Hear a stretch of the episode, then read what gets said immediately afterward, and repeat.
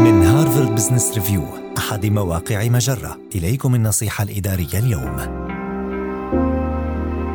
تعلم أهم ممارسات إجراء اجتماع افتراضي. من المنطقي معاناة بعض الموظفين غير المعتادين على الاجتماعات الافتراضية عند إجراء اجتماع افتراضي فتراهم شاردي الذهن أو لا يتفاعلون كما يجب. إليك بعض المهارات التي ستساعدك على تطوير حضورك للاجتماعات الافتراضية. استخدم ميزة الفيديو في الاجتماع بدلا من الاكتفاء بالاتصال الصوتي مع إتاحة خيار الاتصال الصوتي دوما لمراعاة ظروف قوة الإنترنت وضعفه لدى الزملاء. قبل موعد الاجتماع الافتراضي يجب عليك وعلى جميع المشاركين اختبار التقنية المستخدمة والتأكد من قدرتك وقدرتهم على التعامل معها. اطلب من المشاركين الجلوس قريبا من الكاميرا من أجل المساعدة على إنشاء جو من الخصوصية شبيه بما تتمتع به الاجتماعات على أرض الواقع. قبل بدء النقاش حدد أهدافا واضحة وأرسل ملخصا مسبقا إن أمكن.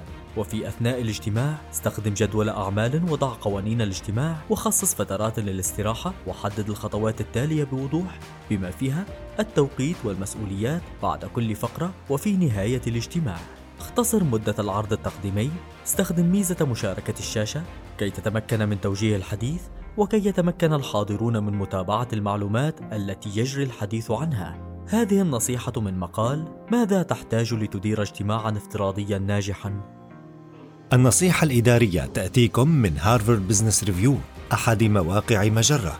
مصدرك الأول لأفضل محتوى عربي على الإنترنت.